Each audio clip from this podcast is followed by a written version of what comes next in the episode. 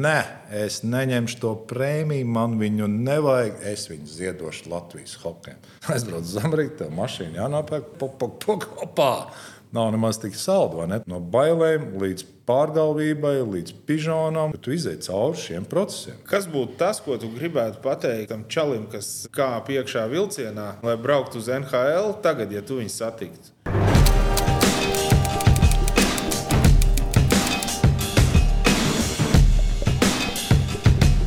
Sveicināti VF podkāstā. Šodien eh, ļoti īpašs viesis, kurš eh, ar basketbolu tā īsti nav saistīts, bet eh, kura vārdu zina arī visi basketbola līdzjutēji. Viens no visu laiku labākajiem Latvijas hokeistiem - Sandrs Ozoliņš, jeb Ozo. Sveiks, Sandrs! Čau! Tā, saka. Prieks tev redzēt, basketbola podkāstā, un uzreiz nevar nepajautāt. Nu, tomēr no, ar tavu augumu tas ļāva arī, arī skatīties uz basketbolu. Man liekas, nebija tāda doma nevienā brīdī. Nevienā brīdī nebija tāda doma. Kaut kā hokejs tika ievirzīts tajā vietā. Man vecāki no sākuma aizveda uz daisdošanu, un tad dabiski ledus, slīdes, sporta pilsēta vai Daugavas stadions progresēju uz to. Basketbols nebija nevienā brīdī. Es nedaudz gāju peldēšanā. Nu, pārējos visos bērnu pulciņos, ko vecāki man izvēlējās ielikt. Bet basketbols nebija. Pašam, eh, kā likās tajā brīdī, daislidošana, kas varbūt neizklausās, piedod man pēc tāda klasiska sporta, uz kur grib iet uh, džeki. Es pat nezinu, es neatceros tik tālu pagātnē vai tādā vecumā. Man nav atmiņas to, kāpēc mani aizved tur un kāpēc es tur paliku. Jo es neatceros, ka manā māsa būtu gājusi, jo viņa ir divus gadus vecāka. Tad nu, tā kā arī tā kā pie viena to, to sīko pavalku klāt, ja, kas notika ar koru un ar dejošanu. Ja, ja jau braucam uz to pionieru pilu, tad arī paņemam to mazāko līdzi. Bet, zināmā mērā, varbūt viņi neizsapņos vecāku sapņus, kas gribēja meitu daislidotāju. Nu, viņi negāja. nezinu, nezinu, bet ilgi tas nebija. Tas bija apmēram gads vai pusotrs sporta pilī, un tas izrādījās ļoti vērtīgs manā turpmākajā karjerā. Ko tu domāji karjeras laikā, ko tu gribētu darīt pēc karjeras? Nezināju, patiešām nezināju. Bija daudz dažādas domas, bet viens bija fakts, ka es lielu laiku domāju, ka es palikšu dzīvot ASV. Ko es īsti darīšu, nebija tādas sapratnes, nojausmas. Vienu es zināju, ka es negribēju būt treneris. Līdz ar to lietas, kas ir izvērtušās tagad, noteikti nebija manos plānos vispār. Es pieļauju, ka daudz nemaz nezinu, kāda tev ir tā ikdiena un ko tu dari. Šodienas ikdiena. Vasarā es vadu golfa laukumu. Un ziemas periodā vai hokeja sezonas periodā es cenšos, nevis cenšos, bet es esmu Kolorādo skauts, kurš skatās lielākoties mazos jaunos talantus, 17, 18 gadniekus, kas ir nākamā gada drafta potenciālie spēlētāji. Un ik pa laikam mēs arī vērojam spēlētājus, kuri ir uh, līdz 26 gadu vecumam, kuru iespējami varētu būt kā brīvi aģenti parakstīšanas vērti Eiropā. Tev baigi svarīgi bija saglabāt to saikni ar hokeju? Nē, tā vienkārši izveidojās. Tā iz, izveidojās. Bija brīži, kad es pateicu, es nekad vairs hokeja nebūšu. Viss aizvērts ir aizmirstam hokeju bet es esmu, tas ir, es zinu, ko es daru. Es varu izpildīt jebkuru funkciju, gandrīz vai hokeja, tādā nezinu, visā mehānismā. Un tas man ir zināms, tas man ir pazīstams. Man nav jāgūst jaunas zināšanas no nulles. Tas nenozīmē, ka man nav jāsako līdzi laikam, jāsako līdzi attīstībai, jāsako līdzi visiem procesiem, kas notiek šodien, lai būtu efektīvs darbinieks. Principā, ko tikai tu neesi darījis. Nu, sākot no Jā. esot uzbrucējs, aizsargs, tad uh, treneris, asistents, ģenerālmenedžers vēl uh, kādā tagad brīdī. Tagad skauts. Visu, ko. Ne? Es esmu iepazinis daudzas lietas, bet tas man neko negarantē. Kā es saku, ir jāsako līdz laikam, kas notiek pasaulē, kas notiek labākajā līgā, viņu tendences, ko viņi tagad dara, lai gūtu uh, virsroku pār saviem konkurentiem. Viss. Tā ir tā lieta. Ja es tagad sākšu teikt un stāstīt, ah, mēs tur nezinu, 90. kurā gadā darījām šito un tā ir pareizi, muļķības. Nav. Pasaule attīstījusies, gājusi uz priekšu un jāsako, kas notiek šodien. Manas zināšanas pagātnē man dod tikai to, ka man ir pieredze kaut kāda. Un vispārējo cilvēku psiholoģisko uzbūvi, attieksmi un pamatlietas, kas notiek. Pārējais viss tehniskās lietas, nezinu, sākot no treniņa procesa, no spēles procesa, no noteikumiem kaut vai no fiziskās sagatavotības, no ēšanas paradumiem, no disciplīnas, no viss pilnīgi mainījušies. An par tiesnesi varbūt tev vēl. Jā, nē, to gan es negribēju. Tas ir visnepateicīgākais darbs. Tas ir visnepateicīgākais darbs, jo vienas spēles laikā tu nebūsi labs abiem diviem. Jebkurš tavs lēmums tiks no vienas puses aplaudēts, no otras puses nosodīs. Ja? Vienalga, vai tev bija pareizs vai nav, tas cilvēka psiholoģija ir tāda, viņš pat ir pārkāpis noteikumus, un to viņš tik un tā teiks, ka viņš nav vainīgs.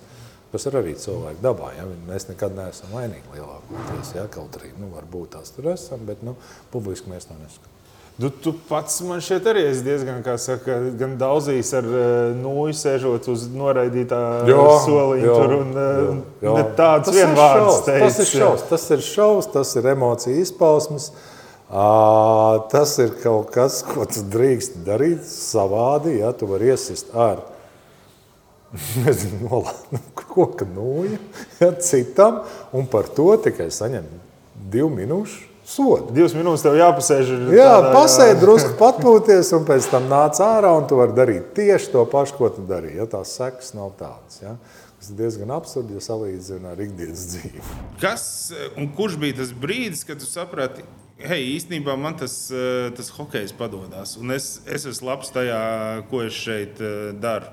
Jo man šķiet, nu, nu diezgan, eh, diezgan ātri jau tev tā karjera, kā saka, virzījās. Tu nebija nekāds vēlais bērns, kas, eh, es kas atvērās. Vēlais. Tu tā uzskati? Jā, jo es eh, līdz 16 gadiem spēlēju uzbrukumā. Nezinu, kā lai to salīdzinu ar basketbolu termiņiem vai struktūru. Un pēc tam es spēlēju sestajā maiņā. Man pat bija tā, ka mūs eh, nelaida uz laukumu, jo bija pārāk daudz cilvēku. Mēs spēlējām futbolu ārā. Un tā pārējie tikmēr trenējās. Līdz ar to es biju ļoti vēlais, un tas neprognozējami, ka nu, es nebūšu. Man nebija jābūt hokeistam vai kur no nu profesionālam, kur no nu tam, kas spēlēs NHL. Uh, Un tad jūs saņemat zvanu no PSRS jauniešu Nē, nu, tas, tas jau bija process. Tas bija process. Cihanovs ielika man aizsardzībā, tad es spēlēju aizsardzībā junioru komandā, arī 16 gadu vecumā. Uh, Un tad kaut kādā veidā tā gada laikā tas process notika. Bet tas process nebija tāpat vienkārši. Nu, es tagad izkāpu, iekāpu slidiņās, man teica, nu, tā stāv aizmugurē vairāk un spēlē aizsardzībā. Un tas nē, es kaut kādas lietas darīju, kas man noved pie tā. Klausīju to, ko man teica, centos vairāk darīt, centos kompensēt kaut kādas savas neziņas, nemācīšanas, jo spēlēt aizsardzībā un uzbrukumā ir divas pilnīgi dažādas lietas. Un man nebija tā privilēģija zināt viņus. Ja? Un, tādēļ bija jāmācās pašam un kaut kādā veidā funkcionēt, domāt, kā tas notiek, kā tas nenotiek. Cik tas bērns vēl, ja tā varētu teikt, vai tīnis ir savā vecumā nobriedzis, tā arī viņš pieņem tos lēmumus un izdomā, kas ir pareizākais ceļš. Es nekad, ja mēs atgriežamies pie tā pirmā jautājuma, paradoxāli, bet es tā patiešām priekš sevis nekad neuzskatīju, ka es esmu gana labs, ka man padodas tik labi, lai tas būtu novērtēts pozitīvā veidā. Jebkurā vecumā? Nu, uz beigām jau es sapratu, ka tā mana vērtība varbūt nav tik daudz manā fiziskajā, um, fiziskajās spējās, bet vairāk mūldēšanā. nu, nu. bet nu, PSRS jauniešu izlase. Nu, tas mērogs ir milzīgs tajā brīdī. Jā. Lai, vai, lai vai kā mums uh, patiktu vai nepatiktu, ka bija jāspēlē šajā komandā, bet nu, tāda viņa bija. Un, uh... Nē, tā laikā tas bija pagodinājums, ka tu tiki izvēlēts šajā lielajā masā no entajām komandām, kas bija. Tas bija augstākais priekš mums, priekš manis. priekš mūsu tā pulciņa, kas nodarbojās ar šo sporta veidu, tas bija nu, nu, nu, meka. Meka padomju Savienības junioru izlase. Tu brauc uz padomju, tev vēl jātiek viņai. Tev vēl ir jāpierāda sev treniņu nometnē, kur ir atbraukuši visi no visas plašās tā, tā laika valsts. Atbrauc, neatceros, 14, 16 aizsargi. Ja, tev jātiek tādā septītniekā vai astotniekā. Tur pēdējā dienā viss sēž un nervozē, jo kāds tiks atskaitīts. Tu zini, apmēram četrus stabilos, nu piecus, nu varbūt sešus, un pārējie ir uz tās robežas vainu vainu. Un, kad tavu vārdu paziņo, tad priekš tā laika tas bija. Nu, pff, Loterijas vinnest ne pašas lielākās, tādas vidējās loterijas vinnest vērts, jo tad tev tādas lietas iedod, kuras tu nevarēji nopirkt veikalā, vai varēji nopirkt melnajā tirgu pa, pa lielu naudu. Ārzemju treniņu tārpu, ārzemju ārzem skrejamās kurpes, kuras tu vilki uz disenu vai uz kāzām pēc tam. Tikai ne uz treniņiem. Tikai ne uz treniņiem, uz ko traki esiet. Ja? Jakas visādas siltas un šitādas tev labums tev iedod. 12 šņurīšu pārus, kas tajā laikā bija deficīts. Mēs nesaprotam. Tur jābūt veselai vēstures stundai, lai saprastu, cik tas liels un nozīmīgs process bija. Cik tām lietām, kas tagad ir pašsaprotams un pieejams, bija liela vērtība. Desmitkārši. Ja, tādam 17, 18 gadīgam tas, tas izdodas.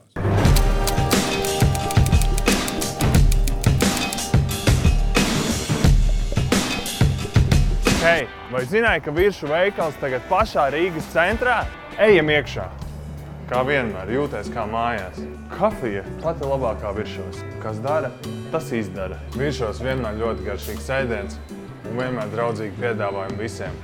Uzņemiet savu enerģijas lādiņu tepat virsmas, lai jums pietiek jaudas gan atpūtai, gan treniņiem. Kā tas process notika? Ir, ir, ir beigusies treniņu nometne, ja visi kaut kur uh, sēž rindā un uh, treneris atnāk ar sarakstu un sauc viņu. Tu atceries vēl? Uh, Novogorskā tur viņam tā izlaša bāze ir. Tur vienmēr satikās pēc tam, bet nu, pirmo reizi es neatceros īsti, bet otro reizi bija diezgan, diezgan smieklīgi.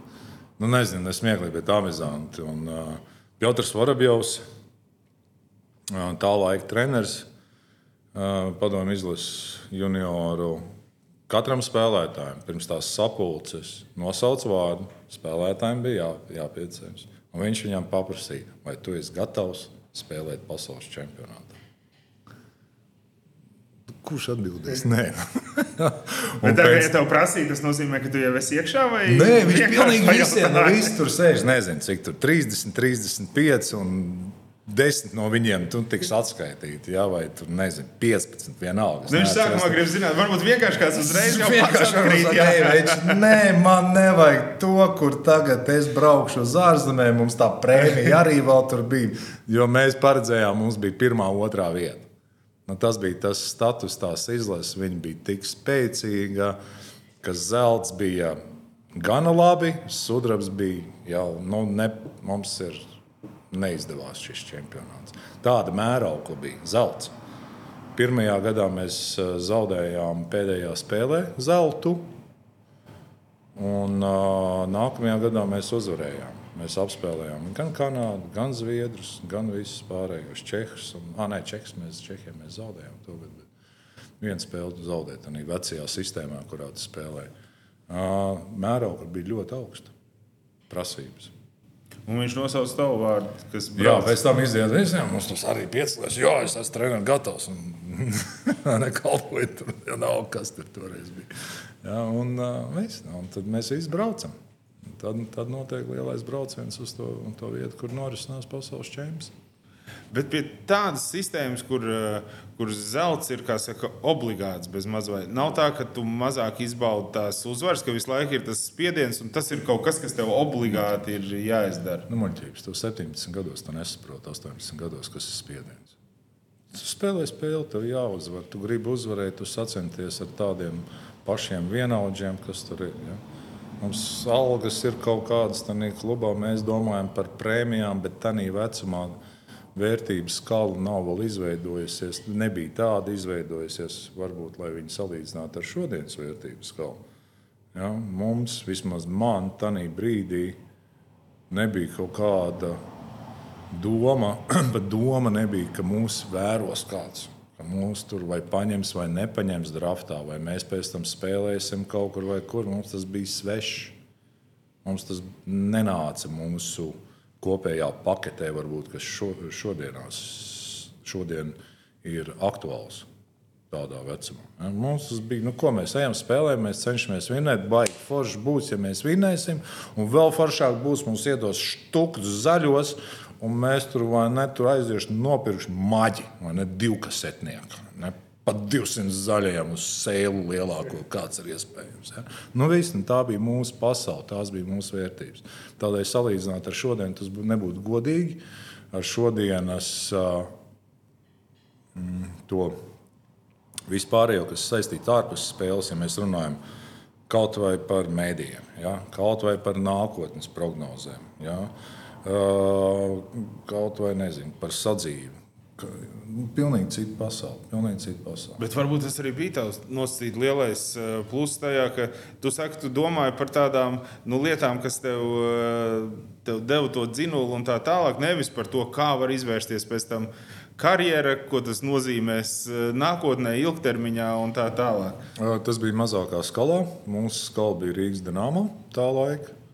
Tātad, tur mēs tā kā ar Sergeju Žoltoku jau bijām tikuši, tad pirmo soli izpildījuši. Mēs tad neapzinājāmies, ko es tagad apzinos, ka tas nebija garantēts, ka mēs tur paliksim. Bet nu, tajā laikā tas likās pats par sevi saprotams. Ja? Līdz ar to tu pat neapzinājies, uz kādas kraujas tu stāvi tajā laikā un tas atbrīvo tevi.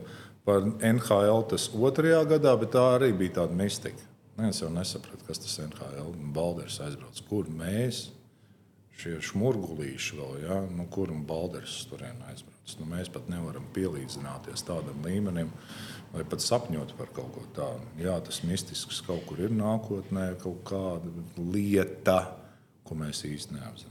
Cik daudz bija redzējis no NHL vispār? Kaut, kaut,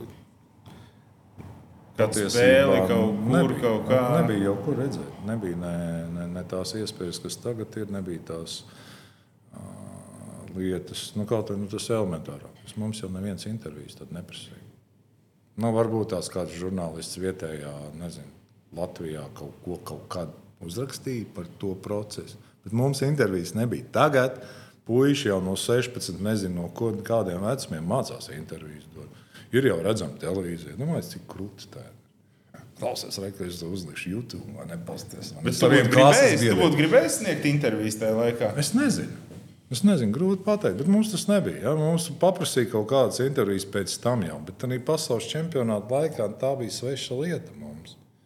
Nu, ko? Nu, labi, pat ja uzrakstīju, nu, vienu dienu avīzē uzrakstīju.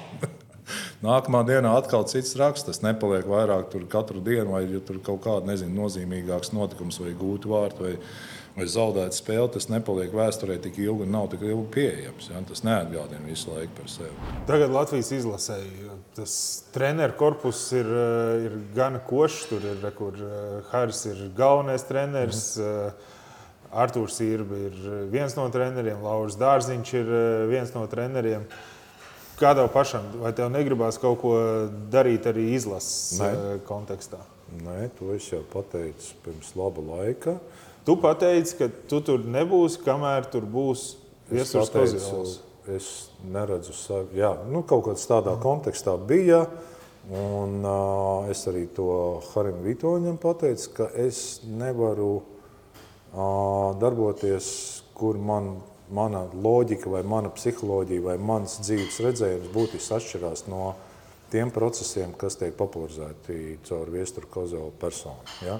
Mūs, es nesaku viņam taisnība vai netaisnība, vai kas, man vienkārši nav pieņemams tās lietas. Un es, līdz ar to es tur nebūšu.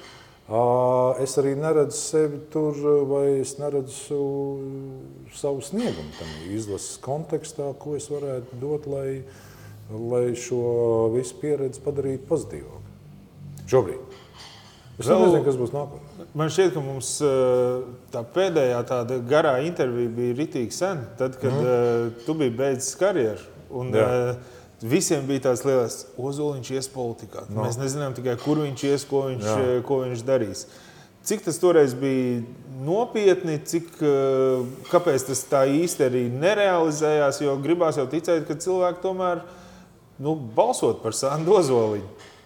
Labi, tas bija tā laika arī mana vecuma tāds kaut kāds redzējums, kā manai dzīvei vajadzētu attīstīties. Uh, viens no tiem bija tas process, kur man šķita, ka tas varētu būt interesants, vilinošs un kaut kādā veidā es varētu izpausties ārpus sporta. Uh, man uh, jā, tajā laikā bija liela atpazīstamība un popularitāte, kas noteikti garantētu kaut kādu balsu skaitu no līdzjūtēju puses. Un, bet toreiz man bija daudz padomdevēju un dažādas lietas, un es varēju izvēlēties, secināt kaut kādas lietas un pats priekš sevis izvērtēt, vai es to spēšu izdarīt, vai mana personība um, spēs eksistēt tajos apstākļos, pie tiem spēles noteikumiem, ko šī politika vai šī vide no sevis nozīmē es iesāku tā, it kā šķita it kā ļoti plaši iekšā un viss, jā, tas ir viens no, nezinu, politiskās dzīves procesiem. Publiskā vidē, runāšana, secinājuma. Tajā brīdī blā, blā, blā. nu, tas valsts tāds lielākais jā, jā, jā, jā. notikums. Politikā. Bet arī pašā laikā es nebiju iestājies nevienā partijā vēl. Ja? Bija kaut kādas noslēdzas uz vienu virzienu, kuro, kurā varētu iet, un tā vārdā es arī vairāk runāju. Uh, Bet pats priekš sevis tajā brīdī, arī esot iesaistīts tajā procesā, es pats pamēģināju. Es tagad vairāk nevis tā kā ārpus komentētājs vai viedokļu teicējs. Es pats biju tajā vidē, es sapratu, ko tas nozīmē, es sapratu to dinamiku, es sapratu savstarpējās attiecības, un pats priekš sevis izvērtēju un secināju, ka es tam neesmu piemērots. Eiropas parlamenta vēlēšanas tūlīt. Nu, ļoti labi. Jā, es, nezinu, es, nezinu, kādas tās ir, es nezinu, kādas tās ir dinamika, kādas ir pienākumi, kāda ir atbildība un kas. Ja? Jo man bija sapratne, ka arī partija savā iekšienē ir vairāk tā kā komanda, ka vienoti mērķi un kaut kā man tāds naivs priekšstats bija par to, ko es sapratu. Ne, varbūt tās nav īsti tādā veidā. Katram ir arī tāpat kā komandā savi mērķi savi nezinu, vīzijas, redzējumi, sasniegumi. Ja? Un, un es tam brīdī sapratu, ka mana tīra cilvēciskā uzbūve, es neesmu spējīgs ar to sadzīvot tādā veidā ilgstoši, ka tas nodarīs man vairāk pašam personīgi kaiti nekā labumu kādam citam. Par avalanšu tu teici, ka like a pack of wolves? Like a pack of wolves? Nē, tas tāds teiciens ir pack of wolves, tur daudz dažādu teicienu ir, ko ir izdomājuši vai ieviesuši cilvēki, lai radītu tādu emocionālo pacēlumu, ka mēs esam kopā. Hartliem tā bija ģimene. Ja? Tas ir tagad populārs visiem. Mēs esam visi kā, kā ģimene. Tas arī viens no nodrilētiem ne tādiem veidiem, kā parādīt to kopības sajūtu, ka mēs esam vienoti vienotā mērķa. Golfs, kāpēc tas golfs ir tik šausmīgi populārs uh, sportistu vidū? Hokeja hoke, hokeja vidē tas ir populārs, jo tas ir viena vieta, kur spēlētāji pavada ilgstošu laiku. Viņiem ir tas tā kā hobijs, viņš ir gana, um, cik paradoxāli nav, tas neizskatās no malas, kas nespēlē golfu, gana azartisks, bet neprasa daudz lielu fizisko slodzi, kas ir lielākais plus, tu spēj būt aktīvs un kaut ko darīt. Un tas spēj savienot dažādus cilvēkus ar dažādām iemaņām golfā. Manuprāt, tas tas lielākais pluss ir, lai mēs spēlētu ar tevi hokeju, basketbolu. Mums jābūt diezgan līdzīgam iemaņu līmenim, lai mēs varētu interesanti sacensties. Tur ir handikaps tikai. Jā. Tur ir handikaps. Līdz ar to mēs varam arī uz piķa spēlēt un sacensties vienalga uz ko, esot pilnīgi dažādu līmeņu spēlētāji. Un tā ir tā burvība. Ja, un tās golfa nūjas nu, ļoti, ļoti, ļoti 90% hokeisti ir tā kā otrs sporta veids, ar ko viņi nodarbojas. Ziemeļamerikā.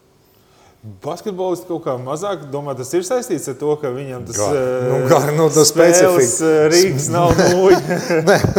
nu, kā, nu, Vai garāks nūjas nu, vienkārši nu, Vidējais basketbolists ir garāks nekā vidējais golferis. ļoti, ja. Hokejā ir eh, vairāk, nu, nav tik eh, specifika, tik liela auguma.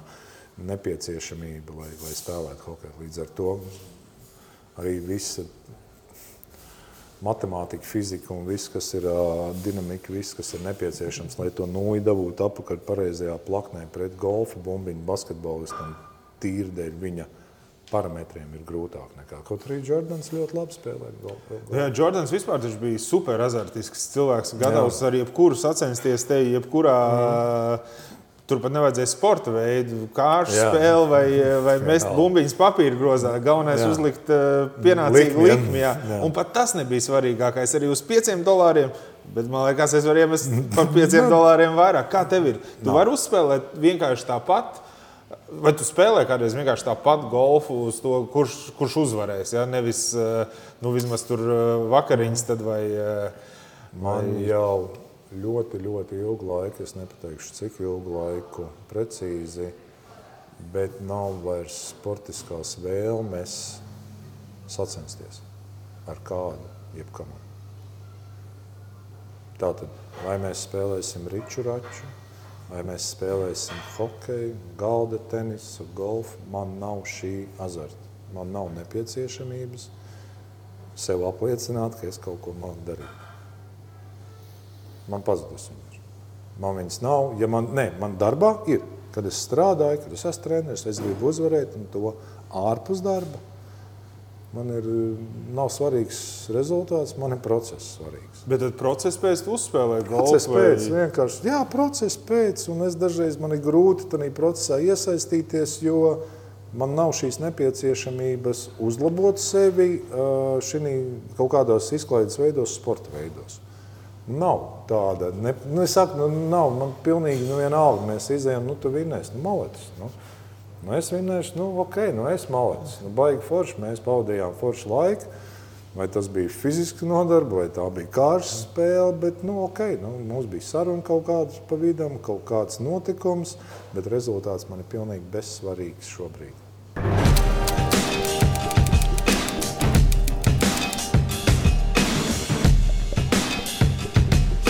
Spēlēt prot daudz. Laukumā visu izšķir detaļas un nianses. Katrā uzbrukumā, katrā aizsardzībā. Jo augstākā līmenī tu spēlē, jo likmes un prasības ir augstākas. Mēs strādājam dienu no dienas, gadu no gada, lai slīpētu katru sadarbību, saspēli un metienu. Tikai tāpēc mēs uzvaram. Rietumbanka kvalitāte nekad nav nejaušība. Labi, tagad pārlecam uh, uz, uh, uz uh, Ziemeļameriku. Tur tajā brīdī tas viss tev pēkšņi ir. Viss ir pilnīgi savādāk. Divkasēšu maģis ir, ir jā. ikdiena apmēram. Jo, McDonald's, jā. ir, ne, McDonald's tur ir vienkārši. Ja? Jā, jā, es tādu nesen skatījos vecās bildes, kaut kādā veidā šķirstīju kaut ko. Un ieraudzīju mana viena no pozēšanas bildēm, kas tagad ir ja, Instagram. Ja, tad bija Polaroids. Bija pie Coca-Cola tās piramīdas, kas bija parastā pārtiks veikalā. Tas man šķita. Ja, kā tādi cilvēki, nezinu, Eģiptē pie piramīdām, ja, kur, kur nu kurš ir ceļojis un kurš, kurš savus selfijas taisa. Tā laika selfijas man bija pārtiks veikalā.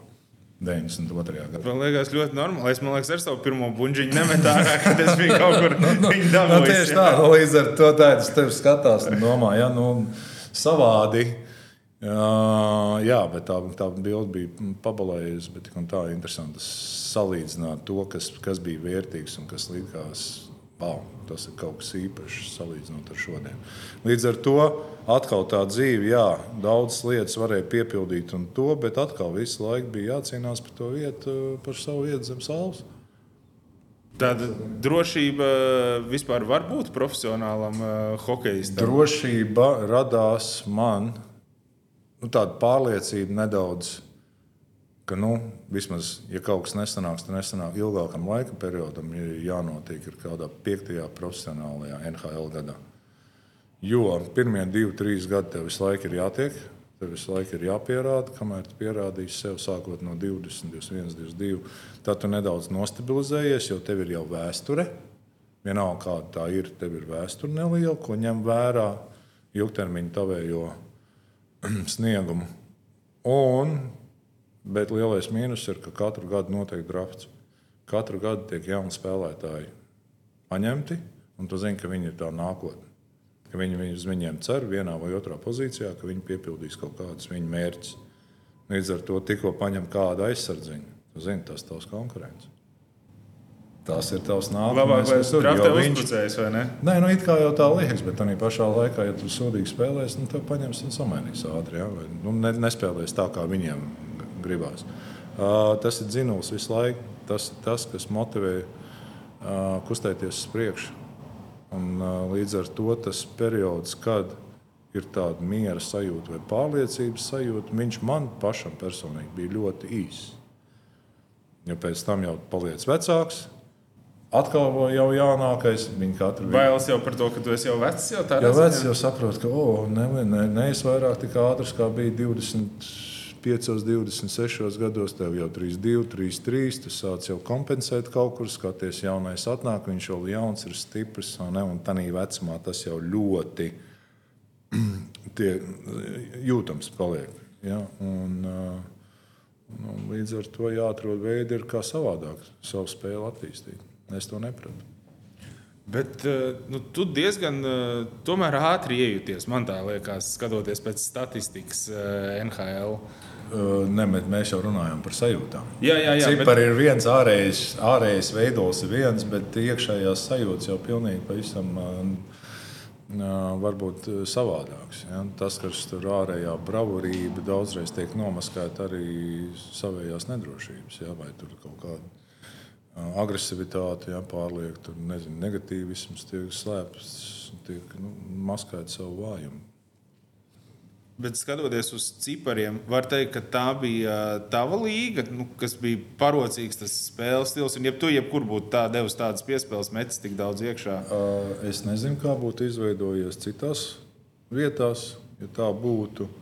Bet kādēļ es to sāku darīt? Jo man arī tādā manā vecumā, 19, 20 gadi, kad man bija, tieši kad aizbraucu uz Ziemeļameriku, mēs neko nezinājām.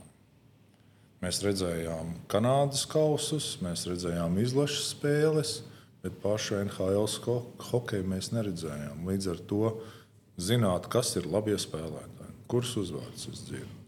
Kofijs, Burks, Līčs, kas tur vēl, kas tur vēl, Makinis, tie, ko viņi dara. Par viņiem runā, par viņiem saka, ka viņi ir labi spēlētāji. Vai nu tas ir presē, vai nu tas ir savstarpēji starp spēlētājiem runājot, vai treneris saka, kam ir jāpievērš uzmanība šiem spēlētājiem. Viņi mums ir bīstami. Līdz ar to nu, paskaties viņa statistikā, daudz punktu, vārti, piespēles. Nu, ja, lai būtu labs šī līnijā, tev ir jāgūst punkti. Ozoliņš savā prātiņā izfunkcionē. Nu, okay, nu skrienam uz priekšu. Nu, tas ir labākais, ko es spēju tajā brīdī izvēlēties. Ja? Nu, lūk, nu, viss. Tādēļ tas tā bija. Kā būtu citā līnijā, es nezinu. Kā būtu, ja paliktu Eiropā, vai tur, vai Padomju Savienībā, vai kas tur izbruktu neatkarīgajā Latvijā. Ja? Es nezinu, kā būtu. Man tā Amerika diezgan patīk. Lai paliktu Amerikā, jāmet vārti. Tā arī dara. Nē, man patīk ļoti. Jā, es gribu sasniegt to, ko, to, ko jau saprotu. Okay, tā ir tā meka, tā ir tā pasaules meka, te ir dolāri. Jā, te ir tas labākie visi. Un sevišķi tajā brīdī tas lielais nezinu, vilnis, tā lavīna, kas gāzās pāri no bijušā padomju bloka valstīm, bija neaptverams. Ja? Līdz ar to, nu, kā es arī gribu būt viens no tiem. Es atceros, grāmatā Armānda rakstītajā, tur ir tāda zīmīga frāze, ka braucot projām, tas laikam sanāca, ka tu brauc ar vilcienu uz Maskavu un tad lidoji. Ja? Un uh, tu saki mammai, ka mamma. Viss ir kārtībā. Tagad par naudu mums vairs uh, nebūs jāuztraucās. Tā arī tāda, jau tajā brīdī bija tā sajūta, ka nu, to mēs esam atrisinājuši vismaz. O, savā prātiņā 19 gadnieki, jā. Kaut arī atkal, nu, ja man tā ir, ja es, es, es zinu, kādēļ es to teicu, jo es parakstīju, tad uh, parakstīšanas bonus bija 100 tūkstoši dolāru. Priekš tā laika tas neaptverama naudas summa, ko nevarēja izterēt, iztērēt laikam ā, Padomju Savienības nezinu, vidējā līmeņā. Vidējās algas cilvēks visā savā mūžā, ja vēl pareiķinām, kurs un viss tas bija abnormāli naudas summa. Mazbērns vēl varēja Jā, bet pēc, bet naudu. pēc, jā. pēc diviem, trim gadiem viņi vairs nebija tik lieli. Ja? Aizbraucu uz Ameriku, tā mašīna jānopērk. 36,000 vai 20,000. Aiziet, pop, pop, pop, opā! Nav nemaz tik saldi, vai ne? Tā dzīve tev jāpelnā tālāk. Jā, tā frāze bija tāda, to es atceros, bet nu, jā, tā nebija. Tā bija tā, tam laikam, tam mirklim, var būt tās atbilstoši, bet viņi drīz vien pasauli pilnībā mainījās. Un, Naudai bija cita vērtība, citas cenas. Ja, kā mēs atceramies, nezinu, kā tur bija 90. gados, cik benzīns maksāja. Ja, tad salīdzinot ar šodien, mēs esam kosmosā. Kas tev vēl tādā ir kaut kāds bucket list, ko nu, gribētos izdarīt? Daudzas lietas. Daudz lietas. Tās arī es gribu īstenot un tādā veidā arī sevi izaicināt, ka, klausies, šitais ir arī iespējams. Ja? Izlicām ar sievu ar parašūtu. Nu, tas bija viens no tiem. Uzkāpa Kilimanģāro. Okay, tas bija viens no tiem. Okay, tagad ir dēls, līdz divu gadu mūžā. Tagad ir jauna izaicinājuma. Ja? Vēl vienreiz būs jāmācās ar riteni braukt. Būs jāskrien pa parku līdz ritenītiem, jā, un jāstāsta, lai nenokrīt. Tās ir arī tādas ikdienas lietas. Ir, ir, nu, ir man dažas lietas, ko es gribētu īstenot savā dzīvē. Ja? Un, un viss. Katram pienāks savs laiks. Kaut kādā brīdī cerams, ka būs pietiekami daudz enerģijas, lai viņas īstenotu. Nu, droši vien tas, tas gan varētu būt jautājums jau šitā par, par dēliem un hokeju. Vai, vai negribās uh, to nākamo paudzi ar, ar rozoliņu? Man divi vecākie dēli izvēlējās šo ceļu neiet, bet arī ve, nu, es ar, savu, ar viņu māti viņu tā, nu, neatbalstījām, viņas tā nespiedām, nevirzījām tādā virzienā. Jaunāko man attieksme ir mainījusies, varbūt tās vairāk es centīšos viņu ievirzīt tādā visā nezinu, procesā, bet tas nav noteicošais. Tu uzliksi uz slidām. Ja? Varbūt tās, jā, varbūt tās šoreiz mainīšu savu attieksmi. Bet tas ir arī vēl vairākiem gadiem jāpaiet, lai es tā patiešām pateiktu. Jā, nu, davai, ejam pamēģināt. Man, man gribās, lai vairāk, lai ir uh, plašāk, vispusīgāk attīstīts šis cilvēks, kuri man ir tāda iespēja kaut kādā veidā ietekmēt viņa attīstību. Ja? Piemēram, kaut vai man pašam, es, vai arī tad bērnībā tas likās, kāds sloks, kādas muļķības, es esmu pateicīgs saviem vecākiem, ka viņi man aizved uz dejošanu. Es esmu pateicīgs, ka viņi man nedaudz piespieda iet uz peldēšanu ilgāk. Ja? Tas man arī deva ne, spēju vai kaut kādas minimālās iemaņas, lai es varētu nopeldēt to. Jā, man ne, to, to, to, to nu, olimpisko es uztaisīju. Ja? Varbūt tās to es izdarīšu vienreiz. Nezinu. Ja? Un daudzas lietas, kas ir vispusējā attīstībā veidojušas to personību. Es esmu pateicīgs, jo man ir iespējas izbaudīt vairāk dzīvi. Es esmu iemācījies slēpot ar slēpēm, es esmu iemācījies veikot. Ja? Lai es to nedaru regulāri, ar baigo intensitāti un kaut kādā noteiktā līmenī, bet es to varu izdarīt. Man ir daudz lietas, ko es varu darīt. Braucam uz kalnu, braucam. Braucam uz ezeru vai uz upi, veikot, braucam, vai ne? Pamēģinās ar ūdens slēpēm. Nē, es darīšu, bet, nu, davai, nokritīšu pāris reizes un redzēs, vai ne? Bet tu jau veiko jau tā, tur lecot pa kikiem. Nu, nē, taču, vai... nu, beidz. Nu, nē, es mierīgi, bet nu, noturēties var. Nu, nā, tā, apgriezties var. Nu, apgriezties var, vai ne? Pirmo reizi es sapratu, kādēļ ir vajadzīga ķivera veikojot, ka es uztaisīju grāmatu. Grāmatiņu. Jā, tad gan bija sāpīgi. Ja? Bet tas arī nē, tur un līdz ar to es arī gribētu, lai Lai mans jaunākais dēls censties viņam dot visas iespējas izpausties un iemācīties kaut kādas lietas bērnībā, kas viņam noderētu pieaugušajā dzīvē. Man ir eh, stāstījuši vairāk sportisti pēc tādiem lielajiem līgumiem, ka ir, nu, tu vienkārši nesaproti, ko darīt tajā lielveikalā. Tu pēkšņi pēc kaut kādas lietas, vienkārši pēc, jo tu vari to izdarīt. Nu, ne pat tādā ziņā, ka kāds būtu tur trūkumā dzīvojis, bet nu, vienkārši nu, tāda iespēja tev, tev nav bijusi. Tev bija kaut kāda impulsīva. Tas noteikti simtprocentīgi. Simtprocentīgi, simts un viens impulsīvais lēmums tika pieņemts. Jo arī nu, tur bija interesanta situācija mums visiem. Mēs nezinājām, ko nozīmē nauda. Mēs nezinājām naudas vērtību, mēs nezinājām naudas ilgtermiņa vērtību. Uh, jo arī Līga to nezināja. Jo, ja vēsturiski paskatās, 92. gadā, 93. gadā mans līgums 180, 200 tūkstoši gadā bija ok līgums, normāls. Nebija ne pa daudz, ne pa maz jaunam džekam, baigi normālais. Vienīgais spēlētājs, kas saņēma miljonu, bija Dārgs Vilsons 92. un 93. gada sezonā. Vienīgais. Ja. Tagad alga minimālā ir 850. Tad bija viens cilvēks, kas saņēma 1 miljonu dolāru. Un pēc tam, pēc trīs gadiem, es parakstīju par pusotru miljonu. Ja, tas lēciens bija daudzkārtīgs, daudzkārtīgs. Un ne mēs, ne spēlētāji, ne lielākā daļa, ne līga nezināja, kādas būs sekas tam. Neviens nebija gatavs šim, šīm pārmaiņām, šim izaicinājumam lielajam, ko darīt ar viņu. Ko darīt ar to naudu, kā spēlētāji uzvedīsies. Gan, gan tas bija gan, gan, gan hoķī, gan basī. Es nezinu par pārējiem amerikāņu sporta veidiem. Ja? Vienkārši nu, NFL ne, jā, ja, ja tu iedod nu, 22 gadīgam, 23 gadīgam, jebkuram, mēs nerunājam, vai viņš ir tur vairāk vai mazāk, bet kuram nav tās dzīves pieredzes un kuram nav apkārt cilvēki, kuriem ir šī dzīves pieredze, viņš noteikti darīs daudz muļķīgas lietas, daudz katastrofālas lietas, un daudz cilvēku arī izmantos to viņu neziņu, kas ir viedāki, gudrāki un izveicīgāki, un iedzīvosies savos labumos. Tādēļ tas ir normāls process.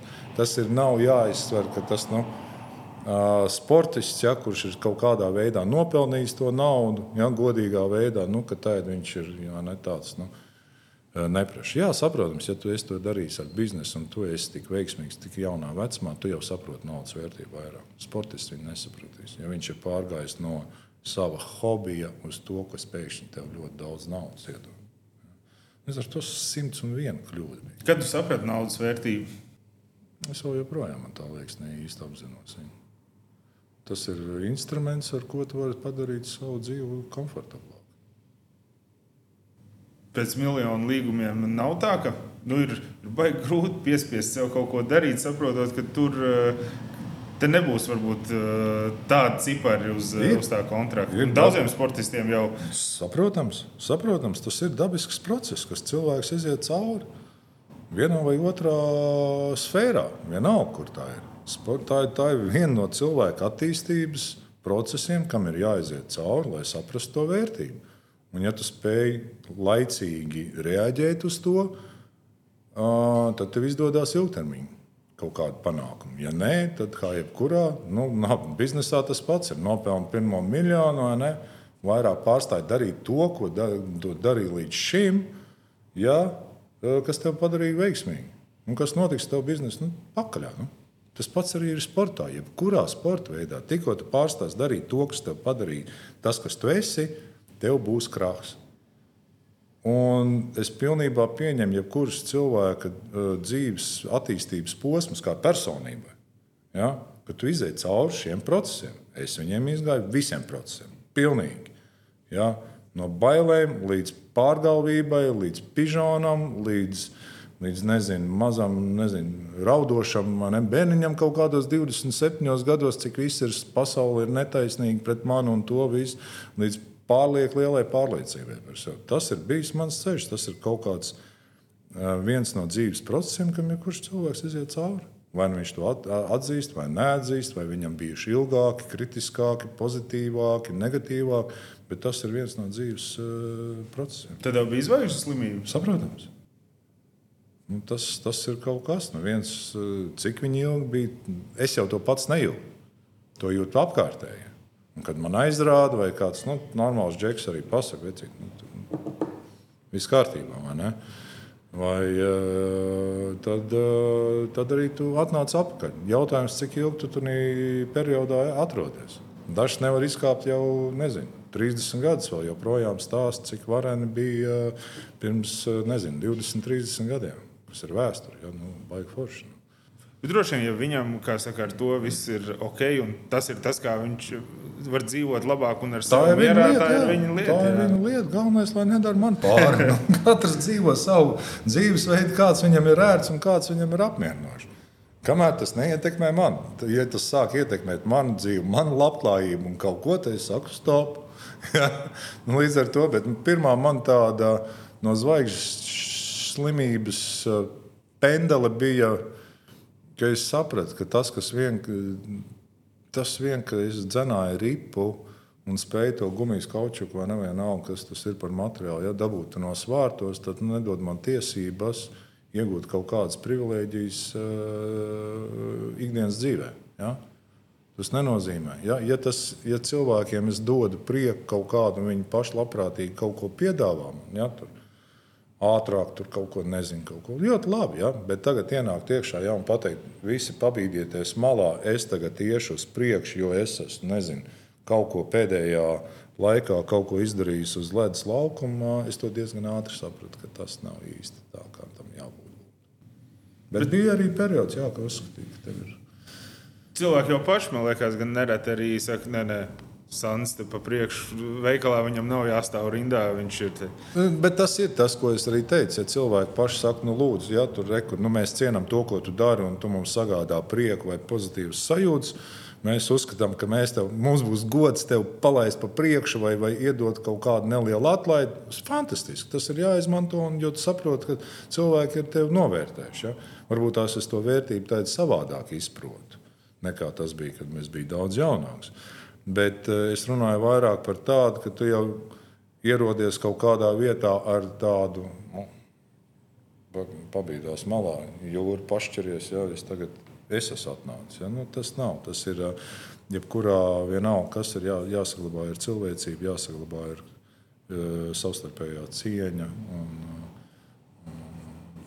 Tas arī viss. Bet tu teici par to novērtēšanu. Ko tu tā novērtētu un, uh, un nosacīti palaistu pa priekšu veikalā un teikt, nu, rekursu? Respekt. Paldies. Ja man nav jāsteidzās, man diezgan viegli. Ja man ir jāsteidzās, sorry, reči. man ir pašam savas lietas, kas jādara. Ja? Bet, ja man nav jāsteidzās, tad mierīgi tas pats ir braucot ar mašīnu. Kā, ka brauc, tad ah, jāpalaid pa priekšu, kad nav nekur jāsteidzās. Ja ir jāskrien, tad pīpina, tad, tad vai, vai, vai kusties runā ar tām pārējām mašīnām un pārējiem šoferiem. Līdz ar to Tev patīk mašīnā runāt ja, ar pārējiem? Nu, nē, nē, nē, man nepatīk runāt. Nē, es neesmu viens no tiem. To es, uh, To es uh, cenšos ievērot, ka uh, to nedarīt, cenšos būt pieklājīgs.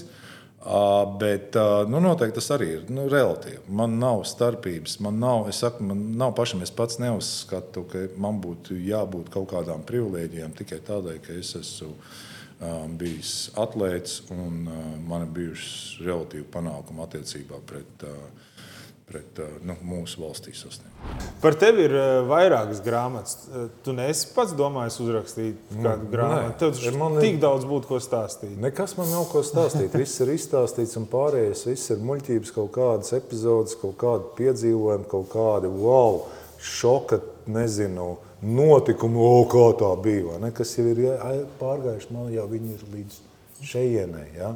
Es jau esmu nodrillējis, nu, cik reizes var stāstīt. Es jau gribēju te teikt, man ir apnicis runāt par, kā es iesāku, kas notika, tad, tad, tad nu, bija uzvarēts Gauss. Ja, ne? Tas viss ir pagātne. Man apnicis runāt par pagātni. Es cenšos nesniegt tās intervijas par pagātni, par kaut kādiem specifiskiem momentiem, vairāk par filozofiju un vairāk par, par to notikumu būtību vai sekām, kas ir atstājuši to man nākamajās dzīves posmās.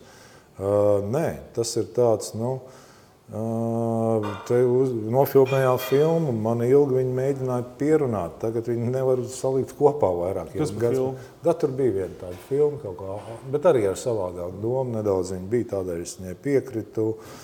Un, bet, arī, bet man tas neinteresē. Es tikai piekrītu tādai, ka man šķita šis process, kādā veidā viņi to vēlējās pasniegt, bija savādāks nekā standarta, kas tagad ir ļoti populārs. Nu, tagad, Jordana, Bekam un tādas lietas. Jā, viņas ir interesantas, bet man viņas pašam vairāk neinteresē.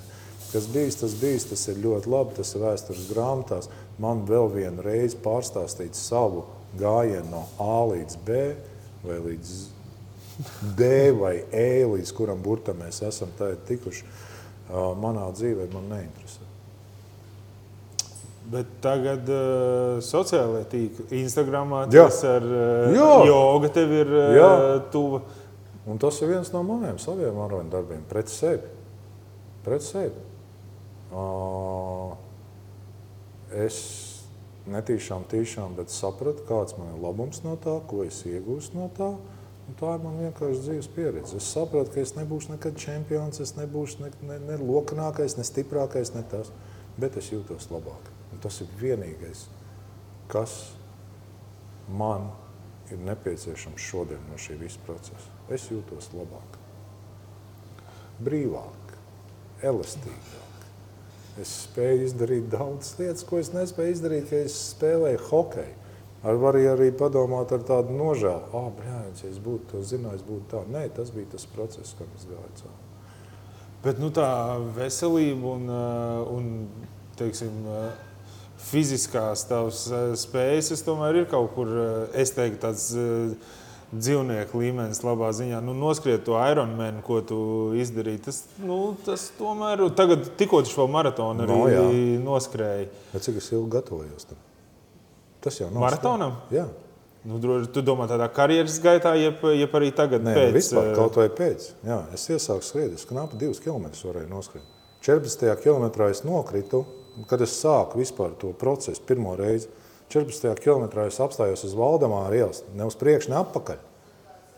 Ilgs process, ilgs piespiešanās, darīšana, regulāri, visu laiku treniņu. Es neesmu dabisks atlētājs. Tikko es nepadaru kaut ko pāris mēnešus, man pluk, un viss gatavs. Es nevaru ne paskriet, ne atspiesties. Man atkal viss jāsāk no sākuma. Man nav tādas, es saku, tas tāds ilūzijas ir. Nu, tā ir, nu, sēdēji, pakasīji kuli, jā, jā, un aizgāja noskrēja maratonu. Ozoliņš nolika kaliņu un aizgāja jā, un nu, noskrēja. Tās ir muļķības, tas jau ir tas tie mīti, vai ne? Davai tagad dzer, vai ne? Tur nezinu, tas viens, nezinu, kaut kāds plosts vai viens kaut kāds atgadījums tiek izspiests visu garumā, jā. Pa kuru laiku viņš trenējās? Tur man stāstīja, tur man stāstīja. Tas viss, tas tā ilūzija rodās. Ja? Jā, tev bija savs laiks, kad atpūties savā atvaļinājumā.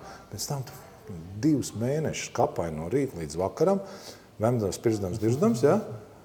un, un, un, un sasniedz kaut kādu rezultātu savā fiziskajā formā. Tas pats bija maratonis. Tā saku, pirmais, tagad atsāku skriet, trīnīt, es knapi noskrēju.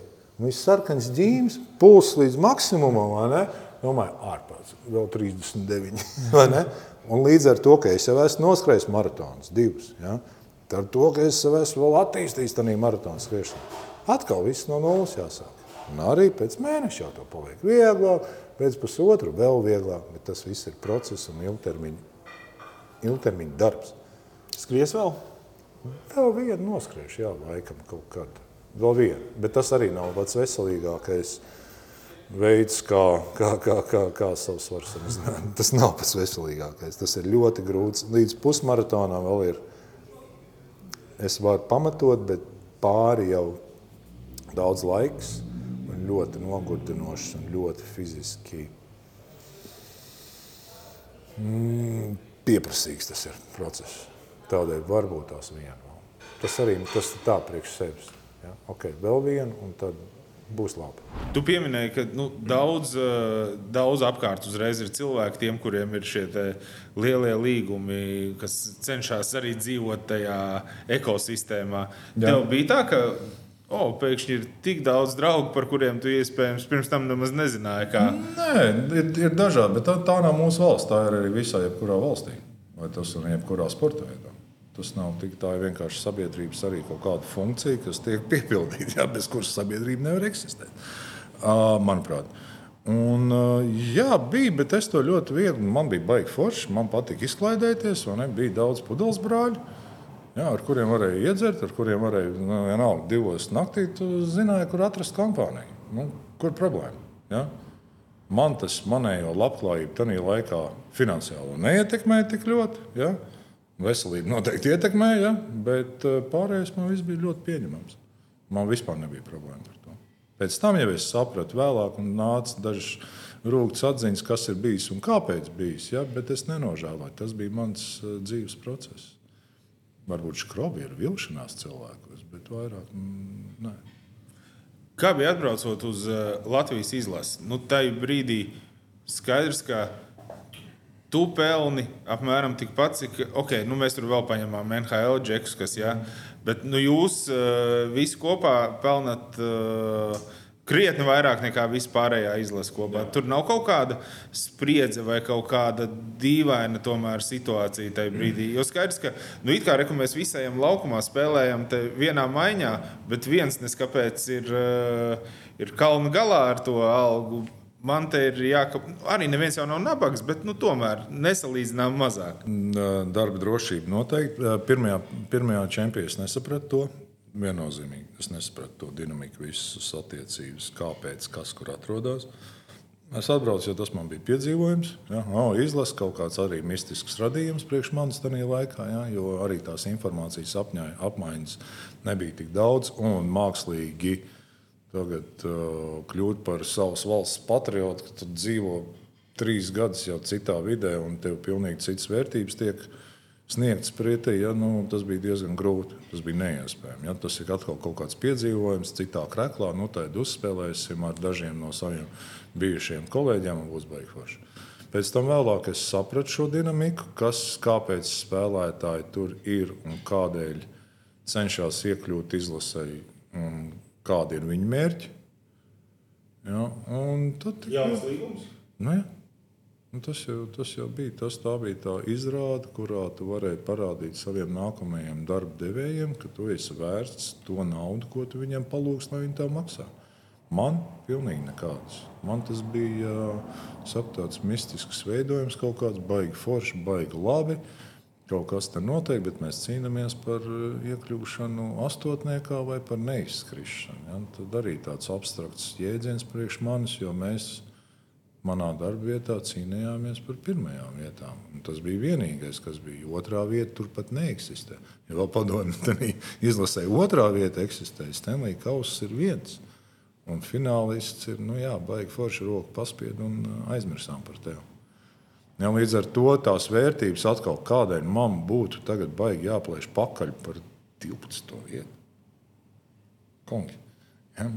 Bet, ja runā par tām finansiālām attiecībām, nu, centās kaut kādā veidā uzsākt visiem, kaut kur tur, ne, tur nomaksāt rēķinu. Nu, tādas normālas parādības, kas nu, saprot, tev ir vairāk tā, tie līdzekļi pieejami tajā brīdī. Nu, tev nav žēl džekiem uzsākt vakariņas, saliņas vai vienalga ko.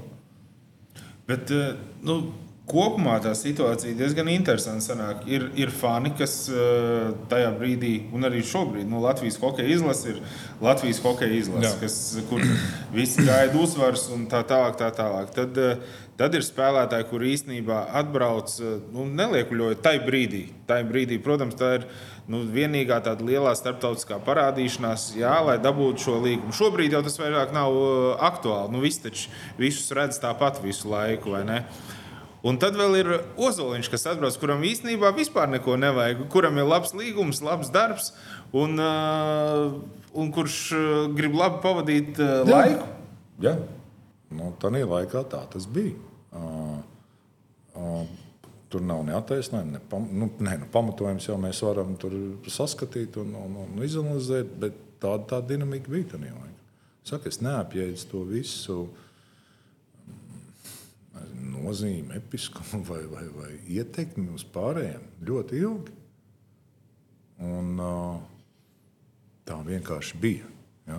Tad arī, piemēram, pārmest kādam tur patriotismu, nepatriotismu, kurš tur ir, bet tā arī viņam mainījusies šī dinamika. Pilnīgi. Pasaule ir mainījusies. Līdz ar to mēs nevaram salīdzināt tos laikus ar šitiem laikiem un ar nākamajiem laikiem, kas būs nākotnē. Ja?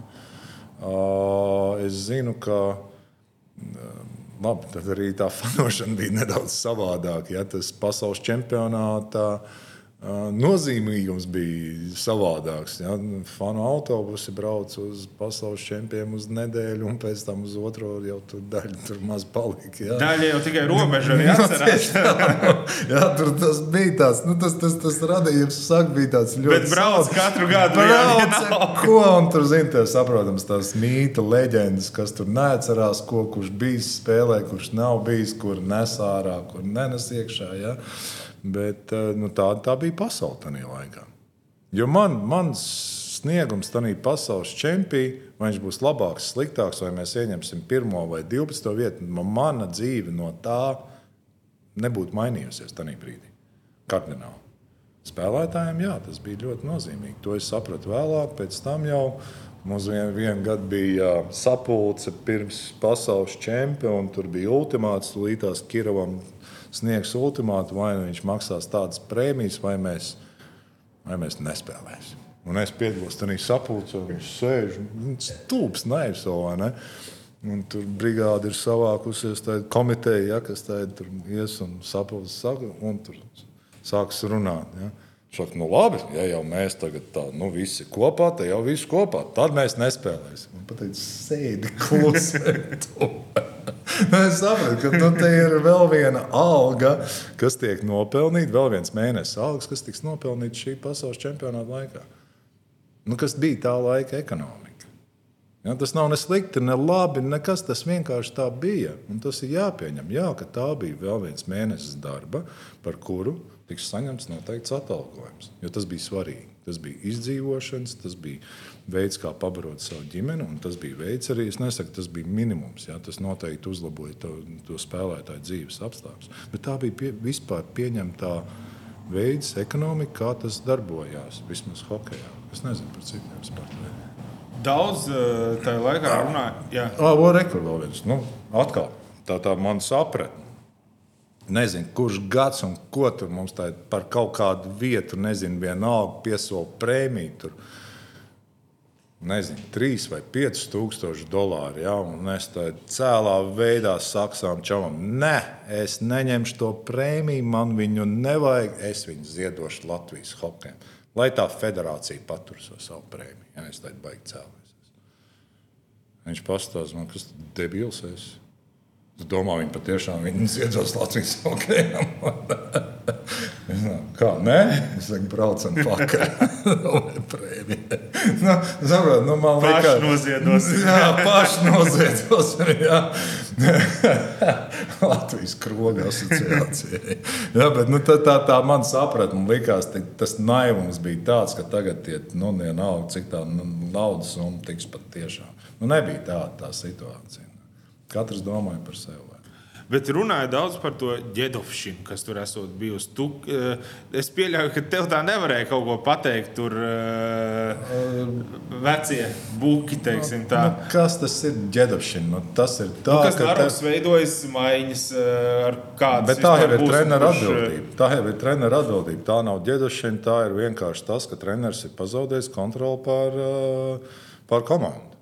Tas ir viss. Ja? Nu, kādēļ viņš to darīja? Lai gūtu savu labumu, lai viņš būtu uz tās skatuves, kad notiek punktu gūšana. Jo vienīgais veids, kā palielināt savu līgumu, ir gūt punktus. Iemest goliņu vai atdot piespēli, būt laukumā, apņemties, apskauties ar kaut ko. Kas tev var palīdzēt, šie spēlētāji, tavuprāt? Nu, kur tu vēl bija? Man treneris ieliks kaut kādu citu pupās. Ne? Es nesasniegšu to, ko es gribu sasniegt savu mērķi, ir pasaules čempions. Viss ļoti elementāri. Ja treneris pazaudē kontroli pār, pār, pār, pār komandu, nu, tad tā nav diedavšana, tā jau ir treneru vaina. Tas var notikt jebkurā sporta veidā. Tā ir vispār dinamika, ir savāda gan NHL, gan NBA, kur tu jau nezini to treneru. Nu, ko treneris tagad sniedz, kādas ir, cik daudz sniedzās viņa pilnvars, cik daudz viņš kontrolē notiekošo laukumā un ģērbtuvē. Latvijas izlases kāds treneris kontrolēja, tagad tu spēlēji. Man šķiet, ka jā. Nu kā, nu, nu, ko man īsti tā pati, ja mēs saucam to par ģetušiem, varēja pateikt? Nu, nu, neko īsti tā nevarēja pateikt. Man tas status bija pietiekami augsts, lai es dzīvotu savu dzīvi. Ja? Kāds varēja būt neapmierināts par manu attieksmi, par manu uzvedību un ko, un kas ir pilnībā saprotami. Ja? Bet tā, lai man pateiktu, tur sēdi vai kaut ko, nu tā nebija. Ja? Vai treneri kontrolēja vai nekontrolēja? Es domāju, ka sākot no kaut kāda ārzemnieka vairāk kontrolēja, jo tie bija tie, kur nezināja, kā viņi reaģēs, tie ir tie brīvmākslinieki, kuriem nav kaut kāda vēsturiska notikuma, kur ir neparedzamība. Ja, man tā liekas, ar Zviedru, ar Lindstrēmu tas sākās vairāk tā, ka nu, tur jau nav vairs no sava pulciņa, bet jau ir ārzemnieks. Un tad tas tā disciplinē, kas tad tagad būs kas notiks, kuru viņš paņems, kad nav jau nu, tā, šitie pieci būs, šitie tūlīt tās pieaugusies klāt un garantētās vietas. Jā, bet jebkurā gadījumā tā ģedašana ir arī viens no izpausmes veidiem, ka vecāki spēlētāji vienkārši baidās par savu vietu un cenšas jaunos spēlētājus nevis vilkt sev līdzi un attīstīt viņus, bet tieši otrādi pazemināt, lai garantētu sev ilgāku eksistenci tajā vietā, kur viņi atrodas. Tas ir viss. Sportā ir sevišķi. Mums tas bija dināmo, ka viņi centās mums. Nu, tas bija labs rūdījums. Sist, daudzīt, ja, jo tu paņemsi arī tad. kapitālismu pazīme. Tu paņemsi viņu darba vietu. Viņam būs jāiet citur, jo tu jaunais būsi ātrāks, veicīgāks, vismaz izturīgāks pirmos gadus, un viņš paliek vecāks. Tāds, tādēļ radās ģērbšanas tā saucamās. Ja? Vai kad eh, vecākie spēlētāji ir pārāk trausli un bailīgi un nedroši par savu vietu, ka viņi tādā veidā sāk ietekmēt jaunos spēlētājus. Tas teiciens gan no politikas man eh, atmiņā vairāk, bet perfekti man šķiet, ka der arī sportam. Varu nelūdz, varu ņem. Konkurence.